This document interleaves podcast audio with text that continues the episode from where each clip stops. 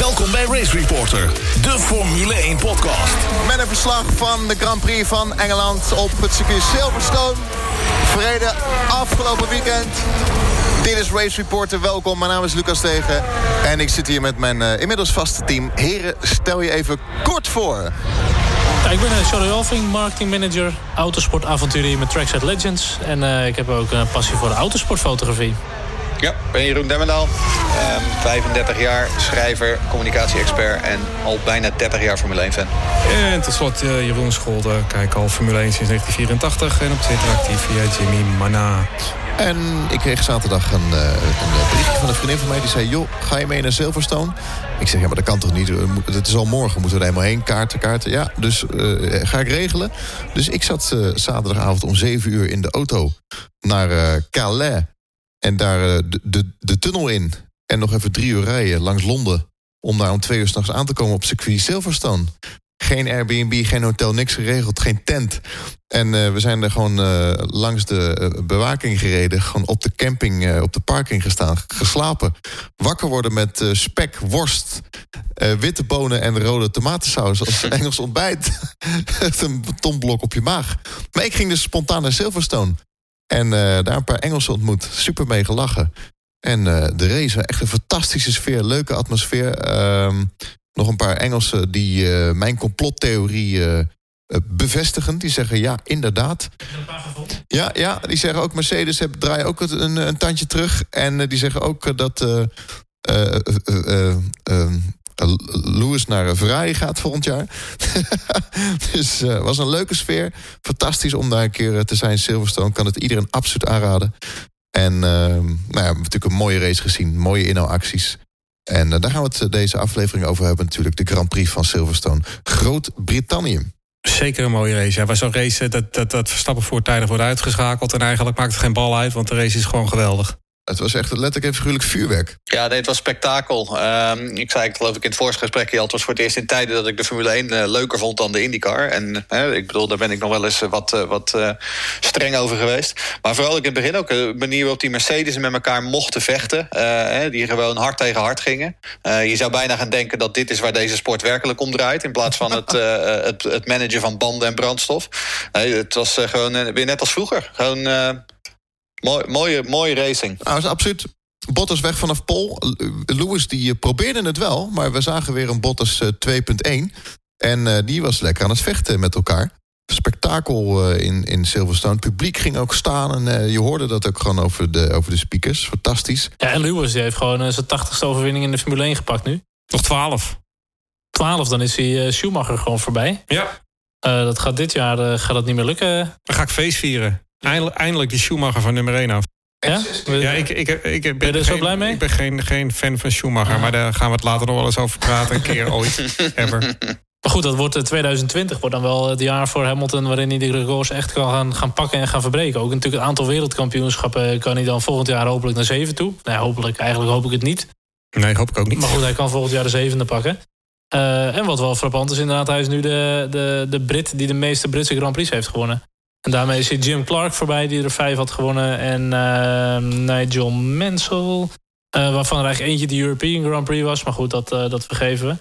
Dus ja, hij is al wel lekker bezig Lewis Hamilton. Ja, en dan ging we stage diven. Ja, ja dat lijkt wel Eddie Crowdsurfing, uh, ja. Oh ja, crowdsurfing. Ja, nee, gaaf. Ja. En voor mij zagen we Johnny Herbert dat ook doen ergens in het begin van dit weekend. Maar die, die kregen ze niet zeg maar, over het hekje heen in de eerste poging. Die verder, jongen.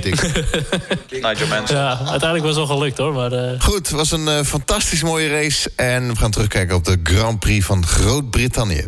Ja, het was in dat opzicht natuurlijk wel echt een fantastische Grand Prix. En tot aan Paul Ricard hadden we natuurlijk niet een heel fantastisch seizoen. Uh, Oostenrijk was natuurlijk al uh, echt super mooi. En ook Max die daar gewoon door het veld heen uh, kwam en, en de overwinning pakte.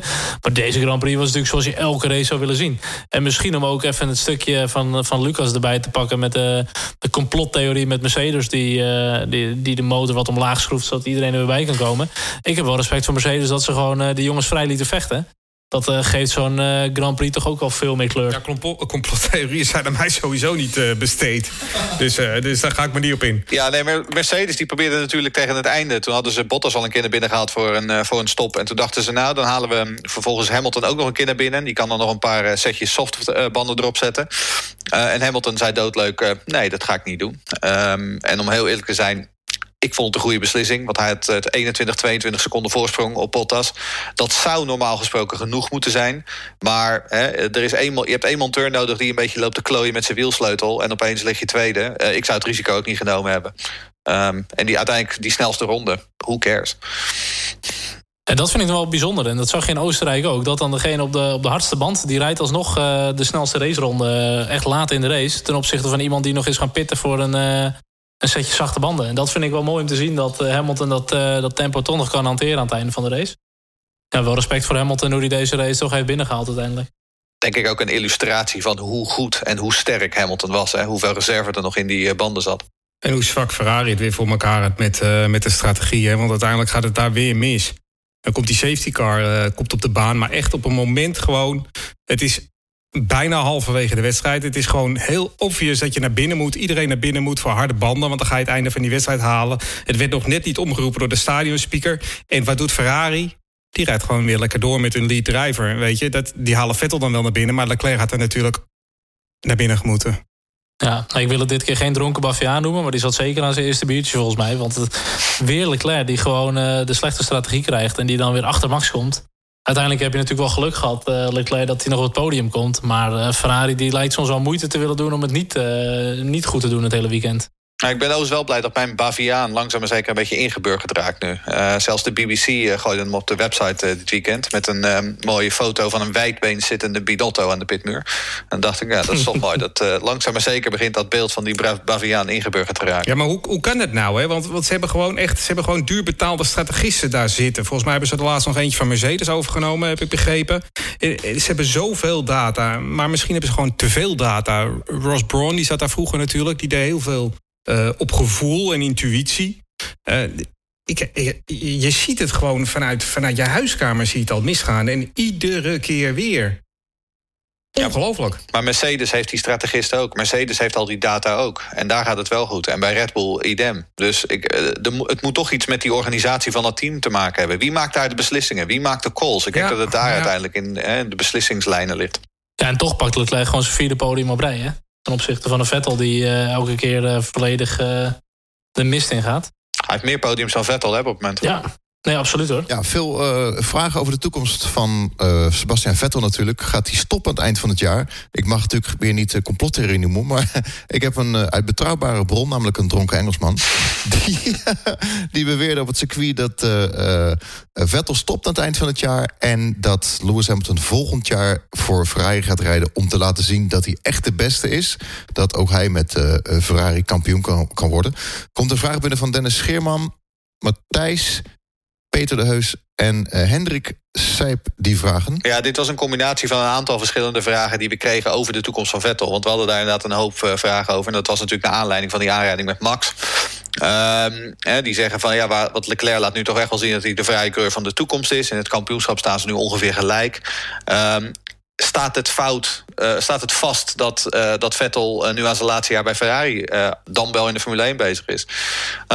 als je ze gaat vergelijken, Leclerc en Vettel, ik zei net al, Leclerc heeft nu al meer podiumfinishes dan Vettel. Um, Leclerc heeft één grote fout gemaakt in Monaco, maar verder niet. Um, maar als je bij Vettel gaat tellen, dit jaar grote fouten in Bahrein, in Canada, in Silverstone. Vorig jaar in Frankrijk, Duitsland, Italië, Amerika, Japan. Dat wordt wel zeuren nu. Um, kijk, en op een, op een bepaald moment moet Ferrari zich toch af gaan vragen... Uh, hoe lang is dit nog houdbaar? Uh, ik weet dat Matthijs, uh, die suggereerde ook van... ja, kun je dit vergelijken met Schumacher en zijn laatste seizoenen bij, bij, bij eh, Mercedes... die toen op een gegeven moment ook concludeerde van... Weet je, ik kan het gewoon niet meer bijhouden. Is dat bij Vettel ook gaande? Dat is op zich wel een, een, een interessante theorie. Het is meer dan fout alleen. Hè? Want Ferrari heeft natuurlijk sinds het begin van het jaar eigenlijk al een gebrek aan downforce. En daar zijn ze volop mee bezig om dat te updaten. Sinds Frankrijk, uh, hebben ze ook, in Frankrijk hebben ze ook een nieuwe vloer gemonteerd. Maar die moest er dan weer uit, want die werkte weer niet lekker. Sindsdien hebben ze eigenlijk alleen de voorkant heel zwaar verbeterd, schijnt. En waardoor de achterkant heeft heel veel onbalans daardoor gekregen. En dat is nou een ding wat Vettel niet kan. Vettel kan niet rijden met een auto waarin heel weinig gevoel aan de achterkant zit. En ja, die, die, die vloer die had toen veel moeten oplossen, maar die is er weer onderuit gehaald en weer de oude vloer eronder gezet. En ja, hij heeft, daar, hij heeft gewoon geen gevoel met de achterkant van die auto. En dan gaat het bij hem gewoon slecht. Hij is niet zo compleet dat hij in iedere auto maar uh, lekker wegrijdt. En 0,6 seconden in kwalificatie op Leclerc. Ja, dat, dat kan echt niet. Maar goed, dit doet toch wel echt afbreuk aan zijn vier titels uh, met Red Bull. Dan ben je viervoudig wereldkampioen. Ik vind dat hij dit soort fouten niet moet maken, zelfs in een auto met onbalans niet. Uh, dat zag je vorig jaar ook met Max met een auto waarin hij zich niet prettig voelde. Ik vind als je vier keer wereldkampioen bent, dan uh, moet je toch wel een beetje uh, aanpassen aan je auto op een gegeven moment. En dan maar iets minder snel gaan misschien. Ja, ik denk, ik denk niet dat het afbreuk doet aan zijn wereldtitel. Ik denk gewoon dat de Vettel van nu niet meer de Vettel van 6, 7, 8 jaar terug is. Ik denk dat, ik denk dat Vettel gewoon minder aan het worden is. Uh, en dan moet je bij Ferrari moet je, je afvragen... Um, Gaan we hem vervangen? Ja, kun je best doen. Uh, aan de andere kant, hij heeft nog steeds een contract voor anderhalf jaar. Maar met wie ga je hem vervangen? Want dat Hamilton-verhaal, sorry Lucas, maar ik geloof het niet. Uh, nee, Hamilton zit ook in de herfst van zijn carrière. Uh, Hamilton wordt super duur, want Hamilton heeft ook gewoon een doorloop, doorlopend contract. Waarom zou je daar investeren als je Leclerc al hebt? Ja, maar ik denk, ik denk niet dat Vettel over de hill is. Vettel is altijd zo geweest. Het is een one-trick pony. Als die auto voor hem goed is, dan is hij net zo snel als Hamilton, net zo snel als Verstappen. Maar als die auto niet helemaal naar zijn smaak is, dan kan hij gewoon niet rijden. En ineens het gaat ineens 0,6 seconden. En dan komt hij onder druk te staan en dan gaat hij fouten maken en we zien het gevolg. Hij ziet over de hill, hij is gewoon niet zo heel erg compleet. Ik heb het idee dat hij uh, bij Red Bull zat. En hij uh, heeft natuurlijk Alonso zien uh, worstelen met de Ferrari. Hij dacht, ik ga het wel even doen. Ik ga uh, net zoveel kampioen worden als Schumacher. Ik heb er vier op zak. Ik pak er bij vrij. Ik ga het wel even doen. Maar dat is gewoon niet gelukt. Ik denk dat hij gewoon gefrustreerd is ook. Dat, het is gewoon niet gelukt de afgelopen jaren. Nee, maar eens hoor. Maar ik moet zeggen, de reacties die ik online tegenkwam op Vettel... die Max van der Waan afduwde, vond ik ook wel echt schandalig hoor. Kijk, dat heb je nu wel. We willen weer dat ze gaan racen. Nou, racing is rubbing. Ja, en klopt, er gebeuren wel eens wat incidentjes. Ik vond het super vet dat Max en Vettel alle twee nog door konden. Ja. Ook dit ga je ook krijgen als je gaat racen. En daarna ja. gewoon weer door. Uh, deel misschien wel een penalty uit indien nodig. Maar laat elkaar lekker gewoon met respect gewoon racen. Uh, het is uh, ook Ayrton Senna overkomen. Adelaide, Australië, Grand Prix 1992. Toen verremde Ayrton Senna zich en die ramde Nigel Mansell eraf. Het, het, het, gebeurt. Nou, ik bedoel, wat, wat betreft de, de, sommige van de hè, iets minder ehm, diplomatieke reacties aan het adres van Vettel. Uh, ik vind dat we daar zo, zo min mogelijk aandacht aan moeten besteden. Um, kijk, het grotere probleem is denk ik dat Ferrari niet echt een vervanger heeft. Want als je kijkt naar wat er in die Ferrari Driver Academy zit, daar zit niemand in die uh, het nu over kan nemen. Zelfs als Leclerc nu de nummer 1 rol over zou nemen. Ik bedoel, ga je nu Mick Schumacher daarnaast zetten? Tuurlijk niet. Ik bedoel, dat, dat, dat, dat, dat is nog veel te vroeg. En hij is degene die er het dichtst bij zit. Ah, Vettel is een prima nummer 2. Ja, exact. En als je kijkt, uiteindelijk zijn ze nog redelijk aan elkaar gewaagd. Hè? Ik bedoel, Red Bull zou willen dat ze deze luxe hadden... met twee coureurs die ongeveer evenveel scoren. Ja, Ricciardo, die hadden ze kunnen halen. Hebben ze alleen niet gedaan. Nee, maar die schijnen ze nu nog steeds te kunnen halen. Want die schijnt een clausule te hebben bij Renault... dat hij voor Ferrari op Mercedes mag hij weg. Ja, dat kan. Dus dat zou een optie kunnen zijn. En ik, op dit moment denk ik dat Ricciardo daar een prima tweede man zou zijn. Maar goed, wat wel, wat wel gewoon heel leuk is om te zien... is dat uh, de Red Bull is wel helemaal terug, hè? Die snelheid uh, in kwalificatie op een, op een moeilijke baan als Silverstone. Voor Red Bull althans een moeilijke baan. Uh, perfect. Ja. Heerlijke race. Ja, en Max heeft zijn stand in het kampioenschap weer even verstevigd... ten opzichte van Vettel en uh, Leclerc. Als nu Gasly ook een beetje blijft aanhaken... dan kan Red Bull op zich nog wel een mooi seizoen tegemoet gaan... met die betere Honda motor en alle updates. Nou, en nogmaals, als je, als je die helikoptershots door Maggots en Beckett zag... Die, die Red Bull lag zo goed daar. En dat was echt waar zowel Leclerc uh, als Vettel... Uh, op Verstappen en Gasly heel erg verloor. Daardoor konden ze vervolgens op Hanger Straight... Uh, hadden ze niks aan de DRS. Ja. Dus die, die nieuwe voorvleugel, dat zagen we natuurlijk in Oostenrijk al... maar die heeft hier ook echt zijn waarde bewezen. Ja. Um, ja, dat klopt. Ja. In Oostenrijk was er nog een beetje twijfel... of het te, ma te maken had met de warmte en de hoogte... en dat Red Bull zo snel ging. Maar het heeft inderdaad ook te maken met die updates, ja. Ja, het was dat uh, in de kwalificatie dat, dat uh, Max natuurlijk wat last, last had van die turbo lag. Dus dat die turbo wat later inkomt. Uh, anders had hij voor pole position kunnen gaan, had hij al gezegd. Turbo lag. Turbo lag. lag. dan had het toch even dan had het best wel anders uitgezien hoor. absoluut. Dus ik denk dat ze wel lekker bezig zijn zo bij Red Bull. Nou ja, sowieso hartstikke blij met Gasly natuurlijk. En de snelste pitstop uit de geschiedenis, 1,9. Ja, 1,9 seconden. Ja, dat vond ik wel mooi om te zien ook. Uh, na de pitstop van Max was dat. Daar zag je al dat die pitcrew er gewoon goed in zat. En uh, meteen al uh, handjes omhoog en juichen. Ze zagen meteen dat ze sneller waren dan Ferrari. Dat Max toen ja, in de fastlane weer net voor Leclerc kwam.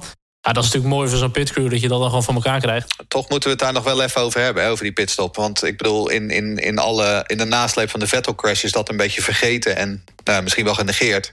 Maar Max maakte gisteren zijn eerste echte fout in lange tijd. Hè? Foutje. Bij het uitkomen van die, bij het uitkomen van die, van die pitstraat. Want hij zat voor Leclerc en vervolgens in Village ging hij de fout in. En ik, ik vroeg me wel af na afloop van die, van die Vettel-crash... van hè, wat als hij er nou toen voor had gezeten? Als hij niet al die tijd had verloren achter Leclerc... gedurende zeven, acht ronden... als hij niet zoveel van zijn band had hoeven vergen... misschien was hij dan wel nooit in die situatie terechtgekomen... dat hij, dat hij met Vettel aan het knokken was. Um, ik bedoel, het, is, het was uiteindelijk een kwestie van 10, 15 seconden. Het is, het is, het is een beetje koffiedik kijken uiteraard. Maar um, dat, dat was wel zonde. Want, want hij, hij was, tot op dat moment was hij echt, echt zo goed. Uh, en dat was de perfecte verzilvering van die goede pitstop geweest. Het was ook wel zonde. Ik denk, ik denk dat het een beetje ook te maken heeft... misschien koude banden en, en dat nieuwe asfalt vooral. Hè? Mm. Want uh, je zag ook Hamilton in dat gevecht met Bottas... gaat hij op een gegeven moment ook veel te wijd, wijer dan normaal. Uh, Verstappen ook in het duel met Vettel gaat hij op een gegeven moment ook weer te wijd. Het heeft toch ook een beetje te maken met het nieuwe asfalt wat er lag. Ja, Max was gewoon gretig en, en je ziet, hij had een paar kleine foutjes... en Volgens mij uh, zat Lucas er bovenop uh, op Silverstone zelf. Is dat uh, na de safety car restart wilde Max zo snel aan Gasly voorbij. Maar die remde toen voor mij voor Bridge remde. Die ehm, kon hij echt zwaar blokkerend nog net Gasly ontwijken. Ja, anders rij je gewoon je voorvleugel kapot op je teammate. gaat hij misschien wel lek. En dan ziet het er weer heel anders uit hoor. Kijk, Max is het niet gewend hè, dat, dat Gasly even in de weg gaat rijden. Goed, die heeft gewoon een goed weekend gehad. Ja, die gingen natuurlijk niet zomaar aan de kant uh, dit keer. Nou ja, hij negeerde tot drie keer aan toe een verzoek van zijn race engineer om uh, Max voorbij te laten. Uh, leerden we eerder vandaag. Um, en, en wat ik dan wel weer mooi vind, dat op het moment dat Christian Horner vervolgens op de radio springt, dat hij dan direct aan de kant gaat. Want ja, Gasly weet natuurlijk ook wel, die moet op dit moment vooral goed in het boekje blijven bij, bij Christian Horner. Maar hij heeft, dat, hij heeft dat wel perfect gedaan hoor. En we hebben ook inderdaad een vraag op Twitter binnengekregen van Jean-Paul Peek. Uh, die vraagt ook: Heeft Gasly vandaag laten zien Red Bull waardig te zijn? Nou, ik denk als je puur naar dit weekend gaat kijken, wel. Ik, ik heb wel het idee dat, uh, dat Red Bull hem een zetje in de rug heeft gegeven. Weet in de vrije training al misschien wat meer vermogen. Laat hem al even wat, wat, wat snellere meters maken, zeg maar. Zodat hij ook even het gevoel krijgt: joh, hoe staat dat nou als je in, in één keer bovenaan de tijden, tijdenlijst staat en zo. Maar goed, hij, hij had wel een goed weekend. Dit weekend heeft hij wel laten zien dat hij Red Bull waardig is. Maar als Max en Leclerc er niet af waren gegaan, dan had hij gewoon nog steeds 60 gefinished. Uh, hij moet het nu wel gaan doorpakken nog, denk ik, dat wel. Nou, als er kant-en-klare vervanger was geweest, had hij al lang uh, thuis gezeten. Ja, absoluut. Nee, dat absoluut hoor. En wat ik nog wel het belangrijkste vind, is dat hij dit keer voor het eerst ook echt van strategische waarde was voor Red Bull. Voorheen, als Max tussen de Ferraris in zat of met Mercedes aan het vechten was, ze hadden niks aan Gasly. Je kon elke strategie uithalen met de jongen, maar hij zat er toch veel te ver achter. En nu was het voor het eerst dat hij ook druk kon zetten op Gasly. Uh, dat hij ook kon, kon vechten met, uh, met Vettel.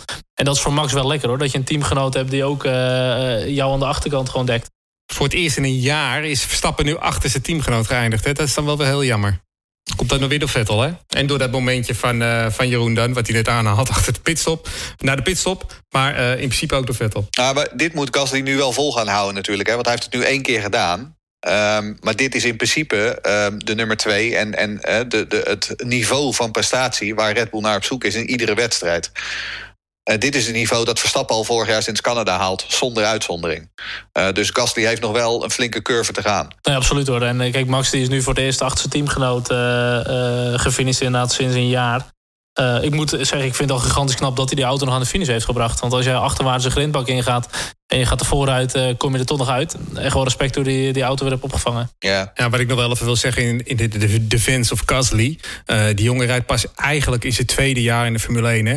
En uh, we hebben in het begin van het jaar zag ik ook heel veel commentaar op Leclerc langskomen, die ook aan het tweede jaar bezig is. En die, heeft het nu, die is het nu goed aan het oppakken. Uh, Gasly zit ook pas in zijn tweede jaar. Hè. We mogen niet van hem verwachten uh, de prestaties die Verstappen sinds vorig jaar Canada doet, mag je van hem gewoon nog niet verwachten. Ja, het is wel prachtig. Heel veel mensen hebben het erover natuurlijk. De, de Prost en Senna van nu. Leclerc versus Max. Toekomstige racers. Um, nee, voor mij begonnen we daar al mee. Ik vond um, het gevecht waar, waarbij ze eigenlijk allebei nou over het randje van de baan reden, halverwege uh, bij het uitkomen van Club daar. Ik bedoel, het was prachtig om te zien. En om eerlijk te zijn, ook het gevecht tussen Leclerc en, en Gasly was mooi om te zien. Um, nou weet ik niet of Gasly inderdaad in dat rijtje uh, mee kan in de komende 15 jaar. Maar ja, het is mooi. We hebben nu twee wedstrijden gehad met Leclerc versus Verstappen. En als het een beetje mee zit, mogen we nog 15 jaar. daar kan ik alleen maar heel erg naar uitkijken. Ik zelf mooi vind is inderdaad... Na, tot aan Paul Ricard waren de races gewoon niet super denderend. En dat is misschien nog een understatement. Maar het is vandaag weer op je werk dat je bij de koffiemachine staat... en dat mensen je gewoon weer aanspreken over... ja, het was een mooie race. En uh, ik had ook de race zelf met familie thuis gekeken en vrienden... en dan is iedereen toch wel heel enthousiast uh, weer over de Formule 1 nu. Ja, mooie, van, mooie van Leclerc vond ik ook dat hij na afloop gewoon ook zegt... van, van Oostenrijk heb ik wel een beetje geleerd. We mogen harder racen, er wordt meer toegestaan. En, en dat, dat pakt hij gewoon ook op. Want hij eigenlijk de perfecte wedstrijd gereden. Hij viel natuurlijk een beetje terug naar die vijfde plek door, die ongelukkige pitstop van Ferrari. Maar en hij wordt dan weer met geluk een beetje derde. Maar hij rijdt wel gewoon echt een perfecte wedstrijd. Met een, met een langzamere Ferrari houdt hij wel gewoon Verstappen achter zich. Heel lang. Was dit niet de eerste keer dat Max een keer een uh, wheelbang aan zijn, uh, aan zijn broek kreeg? Ja, ja, ja dit is altijd een beetje, ik vind het altijd een beetje lastig. Was het nou Leclerc die, die Verstappen een wheelbang geeft... of is het nou andersom? En ik vind het gewoon schitterend. Laat ze lekker wheelbangen. Het is gewoon race, jongens. Zo hoort het eigenlijk ja, gewoon normaal exact. te zijn, hè, dit. Nee, Leclerc was een soort, uh, was een soort Gianluigi Buffon uh, gisteren. Hè? Die, er kwam gewoon niemand voorbij. Uh, ja, dat is een keeper, een, een voetbalkeeper. Voetbal? Hmm, ik bedoel, ooit de beste keeper van de wereld. En, en hij, was, hij was schitterend, hij was geweldig. Hij kwam, niemand kwam er voorbij. Hij, hij bleef inderdaad, wat je zegt, in die mindere Ferrari bleef hij zo goed verdedigen. Constant de juiste lijn kiezen. Vooral, um, vooral uh, richting Brooklands, richting Laffield. Waar, waar Verstappen er een aantal keer heel goed naast zat.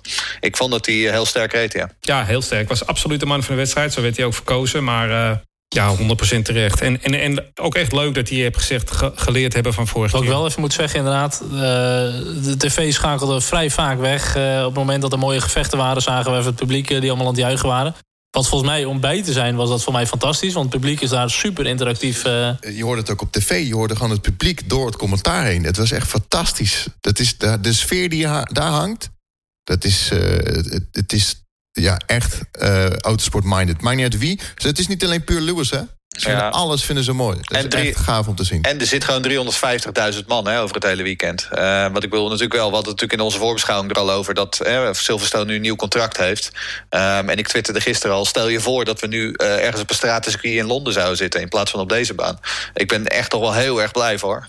blij hoor, dat we nu gewoon Silverstone er vijf jaar bij houden. Want het is gewoon een wereldbaan. Absoluut levert gewoon goede racing op. Maar waar we dan die, waar we eigenlijk vaak toch uh, de focus met z'n allen hebben op de toprijders van Red Bull, Mercedes en Ferrari. Uh, en we, we, zijn natuurlijk ook groot fan van Norris inmiddels geworden. Maar ik wil wel even een momentje inlassen inderdaad uh, voor Carlos Sainz. Want die is inderdaad echt aan een topjaar bezig. En als je ook ziet hoe die in het kampioenschap boven de andere coureur staat van, van de B-teams, om het zo te noemen. Die is toch echt wel een bijzonder seizoen bezig zo. Ja, maar die is altijd onderschat geweest. Want in Nederland hebben we heel veel. Eh, proef ik altijd een anti, anti-science stemming op social media. Maar dat is echt wel ten onrechte. Hij botste toen wat met, met Max in de Toro Rosso tijd. Maar het een moeizame tijd ook bij, bij Renault, vond ik zelf. Maar het is echt wel een hele goede coureur. Een hele complete coureur. Maakt weinig fouten. Kan in kwalificatie nog wel wat snelheid gebruiken. Dat is niet zijn allersterkste kant. Uh, maar over het algemeen vind ik hem heel, heel sterk. En wat Charles de vorige keer al aanhaalde, hij wordt ook steeds leuker. Hij had nu dat akkefietje met die trap in zijn ballen van, uh, van Ricciardo. Maar, maar volgens mij die Norris, die maakt hem ook steeds leuker volgens mij. Hij maakt er ook vandaag een hele leuke tweet over. Over, uh, je zegt net, wie gaat Vettel vervangen? Waarom niet Saints? Of zeg ik nu iets heel stoms? Nou, omdat Saints net bijgetekend heeft, net als Norris bij McLaren. Uh, het, het, zou natuurlijk op termijn wel kunnen. Maar uh, als, uh, mocht Vettel stoppen eh, per 2019... Dan denk, ik niet, dan denk ik dat het nog net iets te vroeg is. Ehm, maar om even in te haken op het Sainz-verhaal... Ehm, ik wil eerder dit jaar zei ik van... Sainz moet nu laten zien dat hij de teamleider kan zijn... waar McLaren op zoek is, vooral na het vertrek van Alonso. En langzaam maar zeker begint hij dat toch wel echt te worden. Hè? Ik hij staat heel stevig op die zevende plek nu, als best of the rest... Um, en Norris is nog iets grilliger, maar is natuurlijk ook gewoon goed. En het is echt een goede tandem. In, in het algemeen, over het algemeen vind ik dat McLaren echt in een, in een good place is op, op dit moment. Maar de vraag is, als jij uh, binnen jouw team de meeste punten scoort... ben je dan automatisch zeg maar, de, de teamleider? Uh, ik zie in hem niet een leider als in iemand die echt het team meeneemt, motiveert... Uh, die het team op sleeptouw neemt. Dat, dat zie ik in hem niet heel erg. En dat zie ik weer meer in een Norris. Die toch dat teamverband gaat creëren, dat team probeert verder te stuwen. Ja, maar Norris is 19. Uh, Sainz is 25 of 26. Uh, dus in ieder geval voor de komende jaren... zullen ze die druk nog niet op Norris leggen. En, en Sainz heeft nooit die kans gehad hè, om echt een teamleider te zijn... om echt een nummer 1 te zijn. Wat je zegt, bij Renault was hij natuurlijk gewoon uh, uitgeleend. Bij Red Bull en Toro Rosso werd hij overvleugeld door Max. Dit is zijn eerste kans. En hij, begint, hij is hem aan het grijpen. Hij rijdt gewoon nu twee topraces op rij. En wat ik zeg, staat heel stevig op, zevende, op die zevende plek. Ehm, nu moet hij doorgroeien. Ja, en, en ik moet zeggen, ik viel mij op afgelopen weekend... Uh, meer oranje fans erbij. Ik heb heel veel, heel veel mannen gezien, mensen gezien met oranje shirtjes. Was dat, was dat Red Bull oranje of McLaren uh, papaya oranje? ik denk, hé, hey, zijn jullie ook Nederlands? Oh nee, McLaren. maar het is leuk, leuk om te zien dat McLaren weer meedoet. En het mooie, mooie is dat na, na Carlos Sainz komt Kimi Räikkönen. Die staat daar ook wel heel erg stabiel. Hè? 25 punten, meer dan de beide, beide Renaults, meer dan Norris, meer dan ja, meer dan de Haas is niet zo heel erg moeilijk. Maar uh, ook. Zelfs gewoon meer dan Grosjean heeft hij gewoon, hè? Meer punten dan Grosjean ja, zelfs? Ja, bizar. Meer dan Grosjean? Wow. Ja, wow. ja. Nou, het punt is, wat, wat ik zo aardig vind... is dat natuurlijk in... Eh, we hebben het al een tijdje over Giovinazzi gehad... dat hij nou echt wat moet laten zien. Eh, nou, die is nu drie van de laatste vier wedstrijden... is die sneller geweest in de kwalificatie. Maar als je dan gaat kijken... in die vier races haalt Giovinazzi één punt... en Rijko haalt er twaalf. Um, dus weet je... Rijkonen is, het is niet te onderschatten hoe waardevol hij is voor Alfa. Het is echt een stille geweldenaar hoor. Hij, hij, hij, hij rijdt bijna beter dan hij in de afgelopen jaren bij Ferrari heeft gereden.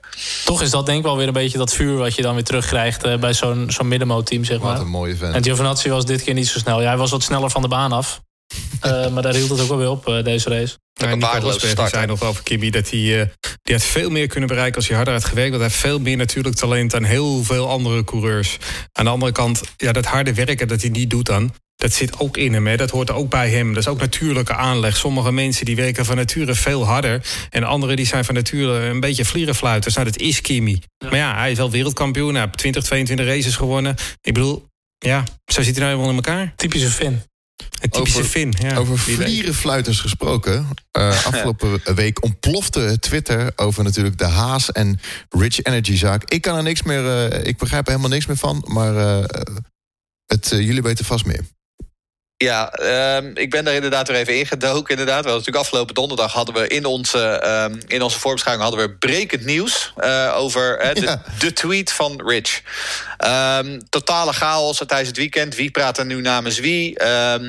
Wie, op, wie is Rich op dit moment? Want dat weten we eigenlijk niet. Uh, want niemand is eigenlijk betrouwbaar. Maar het lijkt er toch wel op dat onze theorie in onze voorbeschouwing van afgelopen donderdag niet zo heel ver van de waarheid zit. en dat Haas uiteindelijk gewoon hier uh, het een beetje zat is... en langzaam maar zeker de advocaten uh, aan de gang had gaan. Um, wat wel interessant is, is dat, is dat uh, Rich Energy over de afgelopen dagen... een aantal brieven van een advocatenbureau heeft gepost op Twitter...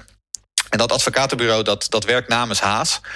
Um, en dat laat wel zien zeg maar, hoe, die hoe die chaos in elkaar zit. Uh, ze hebben bijvoorbeeld geleerd nu dat uh, er een achterstallige betaling is van 6 miljoen. Uh, 6 miljoen pond is wat, wat Rich Energy nog steeds zou moeten betalen aan Haas.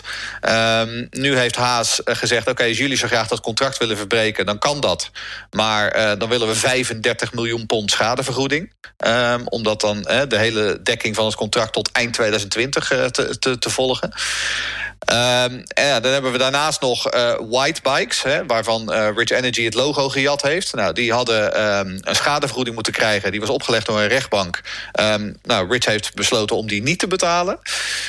en Haas heeft nu in een van die brieven gezegd... dat ze zich zorgen maken over de vraag of Rich Energy wel viable is, zoals dat heet in het Engels. Is dit wel een, een tent die überhaupt geld heeft? Nou ja, als je dan ziet dat ze 6 miljoen missen nog steeds.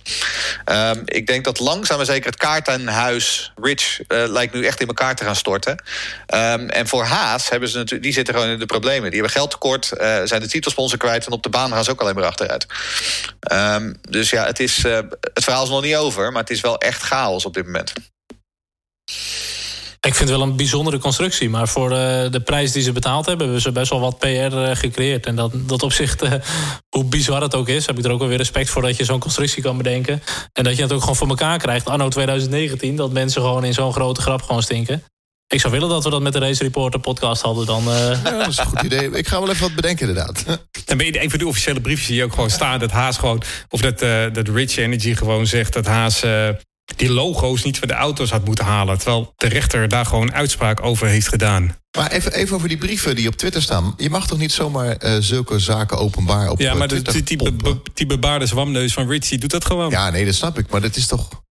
Nee, of, natuurlijk, officieel mag je dat niet doen. Maar het lijkt wel, wel duidelijk dat William Story, de CEO van Rich... Het dingen niet volgens het boekje doet. Terwijl Haas dat natuurlijk wel doet. Daarom stonden die logo's nog steeds op, op die auto in Silverstone. Want Haas gaat natuurlijk er niet voor zorgen dat Rich straks kan zeggen... van ja, maar jullie hebben het contract verbroken... door die logo's van de auto af te halen. Dus Haas doet alles volgens het boekje. Maar als je die brieven goed leest... Um, Haas is dit echt zat. Haas heeft nu gezegd, oké, okay, laten we er een eind aan maken... Uh, maar willen jullie wel nog even dat geld overmaken? En ik denk dat daar wel een beetje de schoen wringt. Want het lijkt mij toch, het lijkt er steeds meer op dat Rich een kale kip is. En van een kale kip kun je heel weinig veren plukken. 35 miljoen, hè, willen ze geloof ik. Ja. ja. ja. Kale, kale haas. Succes daarmee. Maar goed, heeft iemand zin om de, de vraag van Liane te beantwoorden? Die vroeg op Twitter inderdaad... wat zou jullie advies aan Gunther Steiner zijn? Zo snel mogelijk een, zo snel mogelijk een andere sponsor. Nou, wordt wel een hele leuke Netflix, hè? Dat, uh, de Drive to Survive. dat wordt natuurlijk echt geweldig met Gunther Steiner komende, uh, komend seizoen. Ja, ze hebben genoeg beeld, uh, denk ik. Zo, kijk, hij, hij moet bovenaan wel, ja. beginnen. Hè? Hij moet beginnen met het vinden van een nieuwe titelsponsor. Uh, die ja. wil betalen. Vervolgens moeten ze Grosjean ontslaan uh, na dit ja. seizoen. En gewoon niet dat contract verlengen. En dan moet je een goede rijder naast Magnussen vinden. Um, Da daar moet je maar beginnen, denk ik. Uh, maar als je, als je op de baan kijkt... Hè, Grosjean, die, die, die, ten eerste, die spint in de pitstraat op vrijdag. Um, oh dat was wel een mooie illustratie. Um, die gaat terug naar de setup die ze in Melbourne hadden. Dus begint eigenlijk gewoon weer vanaf het begin. En is dan sneller ja. dan Magnus in de kwalificatie. Dus wat, wat, wat zegt dat over het ontwikkelingswerk van Haas? Uh, dat, dat schijnbaar iedere update die zij hebben... die werkt dus gewoon niet. Sterker nog, die maakt de auto slechter. Ja, ik heb uh, dit keer uh, ook een keer de, de topspeed erbij gehaald van de zaterdag. En ik zie inderdaad Magnussen, die was gewoon 12 km per uur langzamer dan Ricciardo. En dat met gewoon een knappe Ferrari motor, dat is best wel knap hoor. Ja, maar sowieso. In de afgelopen vijf races heeft Haas met, met twee auto's één punt gehaald. Ja. Afgelopen vier races helemaal nul. Ik, ik heb wel een, een plan. Als ze nou één auto optimaliseren en dan een sleeptouw eraan doen... dan hebben ze in ieder geval uh, hè, twee snelle auto's. Mijn hemel. En heb je maar één coureur nodig. Je heb je maar één coureur dus nodig. Grosjean, ja. ja. Prima. Ik denk dat dat de enige oplossing is. Maar goed, om maar even door te pakken. Het team dat hun misschien nu als eerst nog voorbij gaat. Williams. Afgelopen vier races evenveel punten gehaald als Haas. Dus dat is uh, hartstikke knap. ja, maar als je dan ook hoort 14e en 15e beste resultaat van het seizoen. Ik bedoel, historisch gezien is dat voor Williams natuurlijk echt om te huilen. Um, aan de andere kant, uh, ze finishen nu op één ronde achterstand. Um, historisch gezien is dat dan weer niet zo heel slecht. Uh, ik bedoel, ik kan me nog races in de, in de jaren negentig herinneren... Dat, dat de Minardis gewoon standaard op vier ronde achterstand werden gezet. Dus relatief gezien zijn de gaten dan ook weer niet zo heel groot. Nou, het mooiste moment van Williams afgelopen weekend was dat Frank Williams uh, in de Mercedes stapte met Lewis Hamilton. Met Lewis Hamilton, ja. Wat was dat gaaf om te zien, zeg. Ja, was dat vind ik echt een legende. Ik heb van me ooit in uh, 2012 uh, Frank Williams mogen ontmoeten... inderdaad op een, uh, op een feestje van McGregor. Ja, echt een legende. En dat die er nog steeds in aanwezig is in de Formule 1... dat vind ik echt bijzonder. Echt weer in die oogjes van hem, van dat racen. Van, hey, en dan met Lewis. Dat, ja, dat is fantastisch. 50, maar ook gewoon 50 jaar actief in de Formule 1, hè? Ja. Zeg, is jullie wel iets opgevallen? Hij is, is hij iets dikker geworden of ligt het aan mij? Nee, hij is wel wat dikker geworden, ja. Maar ja, als je al 50 of nee, 33 jaar in een rolstoel zit... hij is geloof ik ja. de langstlevende, langstlevende persoon met een dwarslesie ooit, hè? Ja. Ja. Ja. Jo. Al, al 33 jaar heeft hij hem volgens mij. En hij is de lang ja. Dit is nooit iemand die zo lang heeft geleefd met een dwarslesie. Maar goed, om even de, de race van Williams door te pakken. Uh, Kubica die was zo waar, kon hij nog redelijk bijblijven. En tuurlijk, er is een safety car geweest... waardoor het hele veld bij elkaar kwam. Maar ik zat op de live timing ook even mee te kijken. Uh, regelmatig was Kubica toch wel wat, wat rondjes sneller en zo. Nou ja, het zet nog geen zoden aan de dijk. Maar het is ook niet dat hij op een ronde extra achterstand was gezet dit keer. Wat we voor mij al eerder gezegd hebben, Russell moet gewoon weg daar. Uh, want die zit daar te verzuipen. Ik bedoel, ik vind het nog steeds pijnlijk om te zien dat hè, vorig jaar Russell en Norris waren de twee grote sterren van de Formule 2. En Norris die uh, uh, haalt iedere wedstrijd nieuwe hoogtes. En Russell, en niemand let eigenlijk op hem, want die is gewoon aan het verzuipen in dat konijnenhok, zoals Jeroen het altijd noemde. Ehm, het is gewoon treurig. Kom maar goed. Hebben we verder nog iets te vertellen over Racing Point of Toro Rosso? Die waren toch een beetje ja, we hadden nog een, lezers, we hadden nog een lezersvraag van iemand die zich afvroeg... wat er met uh, Alexander Albon was gebeurd aan het einde van de wedstrijd. Uh, en dat is een beetje een raar verhaal. Want die had schijnbaar een accuprobleem... waardoor zijn hele auto onder hoogspanning kwam te staan. Um, en het, het probleem daar... Dat is de Renaults, toch? Wat zei jij? De, nee, de Renaults hebben toch ook een keer dat gehad... dat ze meteen, hup, auto allebei uitzetten, uitstappen. Meteen uit de auto. Ja, was toen in Bahrein. Dat is toen voor mij een dubbele uitvalbeurt hadden. Maar of dat echt een electrical issue was, dat weet ik niet. Maar als je het lampje gaat branden inderdaad dan moet je er wel echt uitspringen. Uh, zonder dat je de auto en de grond eh, tegelijk aanraakt, zeg maar. Uh, in dit geval was het in ieder geval zo dat Albon... hij kon gewoon de wedstrijd doorzetten, maar wat hij niet, uh, voortzetten... maar wat hij niet kon doen, was naar binnen gaan om nieuwe banden te halen.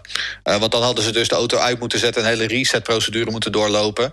en dus kozen ze ervoor om hem maar gewoon door te laten rijden. Het probleem was dat hij aan het einde van de wedstrijd... op banden reed die 40 ronden oud waren. En dat hij vervolgens in de laatste paar ronden... gewoon ja, een aantal mensen heeft moeten laten passeren.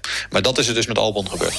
Race De Formule 1-podcast. Dan gaan we naar de luisteraarsvragen. En we hebben een aantal donaties binnengekregen deze week. Formule1podcast.nl Jawel, we moeten het van eh, de luisteraars hebben en de fans natuurlijk de donaties. Dus wil je doneren, dat kan via racereporter.nl. We hebben twee donaties binnengekregen. Peter de Vries, dankjewel. En een topdonatie van Esther. Ook Esther, super super bedankt voor je donatie voor uh, de Formule 1 podcast Race Reporter. Toch zijn wij ook wel een beetje dan de Williams van de podcast, of niet? Uh, we hebben geen grote financierders, geen, uh, geen naamdragers. We doen het gewoon allemaal zelf. Of vanuit passie voor de racerij. Maar ben jij Kubica, ben jij Kubica dan? Of? Ben jij dan? Als jij dat wil, dan ben ik dat. Qua, qua luistercijfers zijn we Red Bull. um, luisteraarsvragen. Yes, ik had inderdaad een vraag. We hadden een vraag binnen van uh, Martijn Marteo op Twitter. Uh, wat vinden de wijze mannen er überhaupt van dat er een full safety car kwam? Was een virtual safety car of zelfs een, gewoon een gele vlag hanteren niet voldoende geweest?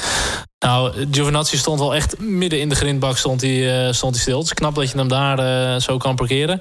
Uh, gele vlag, nee, dat is absoluut niet voldoende. Zodra er ook een, een recovery vehicle op de baan komt om die auto weg te halen, ja, wil je dat gewoon niet hebben. Virtual safety car had gekund. Maar dan ga ik weer nadenken, wil misschien niet de organisatie dat de race nog weer wat spannender wordt en dat zie je ook vaak voor mij in de IndyCar. Kijk met de schuine oog naar Jeroen Demmerdaal toe. Uh, joh, gooi die safety car naar buiten. Maximale veiligheid tijdens een situatie. En daarna hebben we weer gewoon een prima race tot aan de finish. Ja, ik denk dat we het hier met een virtual safety car ook al afgekund, afge hadden kunnen doen. Uh, maar ik denk inderdaad dat, um, ja, ach, waarom niet uh, nog een beetje extra spanning aan de race toevoegen. Ja. Oké, okay, volgende vraag dan. Van Karin, uh, kaartje 58 op Twitter. En die vraagt, ik voel een Rosbergje aankomen... na de tv-beelden gezien te hebben vanuit de green room. Hebben jullie dat ook? Um, ja, een Rosbergje, dan kun je natuurlijk twee kanten op... Um, dat betekent of dat hij er uh, straks gewoon opeens mee stopt. Of je kunt uh, ervan uitgaan dat uh, Bottas nu heel erg gedreven is om, ze, om Hamilton te gaan verslaan. Um, in beide gevallen denk ik niet dat dat eraan zit te komen. ik denk dat Bottas gewoon rustig de nummer twee bij Mercedes blijft. Um, en ik denk echt niet dat hij uh, dat opeens heel erg uh, een lastige luis in de pels voor Hamilton gaat worden. Daar is hij gewoon niet goed genoeg voor. Volgende vraag. Matthijs, Ed K vraagt... de racepace van de Red Bull maakt flinke stappen. Nou, dat hadden we inderdaad al behandeld. Maakt Max kans op de tweede plaats in het kampioenschaps... of zelfs de hoogste treden? Seizoen is nog lang. Nou ja, nee, dat laatste zeker niet. Wereldkampioen gaat hij niet worden. Vergeet niet dat uh, zowel Honda als Red Bull al heeft aangekondigd dat er ook nog gridstraffen gaan komen. Uh, Red Bull is uh, een auto die momenteel heel erg veel progressie maakt. Maar uh, de achterstand op, op Hamilton is volgens mij inmiddels 90 punten of iets in die geest. Nog net geen 100. Dus als Hamilton niet even drie keer uitvalt, dan is wereldtitelstrijd voor Max volkomen kansloos. Tweede, mm, zou kunnen. Maar gezien de enorme betrouwbaarheid van de Mercedes wordt ook dat er gewoon heel erg lastig. Dus eigenlijk uh, derde in het WK is wat mij betreft het maximaal haalbare. Oké, nou dat is wel denk ik een mooie vraag uh, om die van Thomas door te pakken. Uh, leuk dat je ook een vraag stelt trouwens, want hij zegt al... ik ben normaal niet zo van de vragen en meer van het luisteren. Maar ik ben wel benieuwd hoe jullie denken over het eerste jaar van Honda met Red Bull tot nu toe. En vooral de ontwikkelingssnelheid die Honda laat zien. Verbaast het jullie of hadden jullie dit verwacht? Met deze kennis, plus de volgende update... waar ze gelijkwaardig worden met Mercedes qua vermogen... Um, hoe zien jullie de toekomst in? En vooral volgend seizoen, aangezien er geen grote reglementswijzigingen zijn. Oké, um, hoe ik het jaar tot nu toe zie tussen Honda en Red Bull is gewoon super goed. Uh, buiten ontwikkelingssnelheid uh, dat ze in Paul Ricard Spec 3 hebben geïntroduceerd, die echt in Oostenrijk goed begon te lopen, waarmee ze hier in Silverstone heel goed meekwamen, uh, zijn de motoren ook gewoon gigantisch betrouwbaar. En dat was echt wel de Achilleshiel in de tijd uh, dat ze nog ook bij uh, McLaren achterin lagen. Uh, om de haverklap vielen die dingen uit. de dingen gaan nu gewoon gigantisch goed. Dus ik vind, de, de, ik vind dat het super goed gaat tot nu toe. Nou, ze hebben de eerste Grand Prix nu gewonnen met Honda.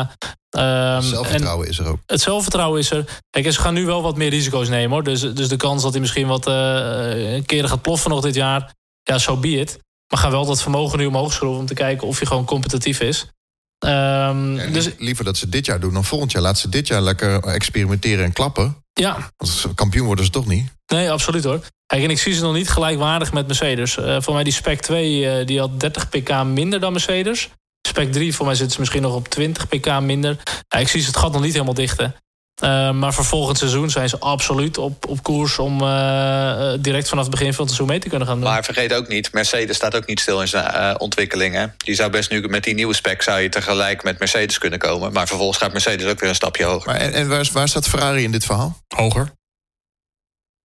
Qua vermogen staat hij hoger en qua betrouwbaarheid ook. Maar goed, dat is dan ook een beetje de wet van de remmende voorsprong. Op een gegeven moment is er voor Mercedes gewoon minder te winnen. En dan op een gegeven moment word je gewoon langzaam ingehaald. Want voor de andere uh, uh, fabrikanten, uh, teams is er gewoon meer te winnen. Ja, maar dat hoor ik al jaren. Maar Rendel nee, absoluut hoor. steeds achter. Nee, dat, dat, ik had dat ook al veel eerder verwacht. Maar op een gegeven moment er gaat een eind aan komen. Ja, en ik denk dat voor, voor volgend jaar zien de kaarten er gewoon goed uit voor Red Bull. Oké, volgende vraag. Sjoerd Druiven die vraagt... Ik heb het idee dat de vernieuwde voorvleugels, bargeboards en achtervleugels... hebben geholpen voor het volgen van elkaar. Britse Grand Prix bevestigt dat. Wat jullie? Uh, ja, de Britse Grand Prix heeft, uh, heeft wel aardig wat gevechten uh, veroorzaakt. Ja, was behoorlijk close racing. Ook door de bocht heen zag ik ze redelijk op elkaar rijden. Meckert en Beckett zag ik Max heel vaak heel kort achter Leclerc zitten. Misschien wel iets te kort voor het rechte stuk wat daarop volgt. Maar uh, in principe uh, heb ik wel het idee dat het inderdaad iets helpt. Ja, de coureurs zelf die zijn er nogal wisselend over. Sommigen vinden dat het helpt, anderen vinden dat het weer niet zo helpt. Uh, ik denk het wel. Ik denk dat de trend die ingezet is in ieder geval wel uh, een stuk geholpen heeft. Maar de grote, de grote wijziging komt Hey, wat, maar, volgens mij was de vleugel, voorvleugel van Vettel heel sterk. Uh, die van Max ook. Want uh, Max die kwam echt met vier wielen los en die ging even boem. En, en, en, en, Hamilton die, die gaat in de vrije training er eventjes af. En, en de voorvleugeltje, dat is meteen al een gort. Mazzel dat, dat hij uit de grindbak kwam. En daarna ja, nog een stukje sowieso, asfalt. Ja, ja. Maar die Red Bull die is gemaakt van graniet volgens mij. ja. Niet normaal. Goed, volgende vraag. Uh, we hebben nog één vraag over. Die is van Ellen Nikkelen Kuip.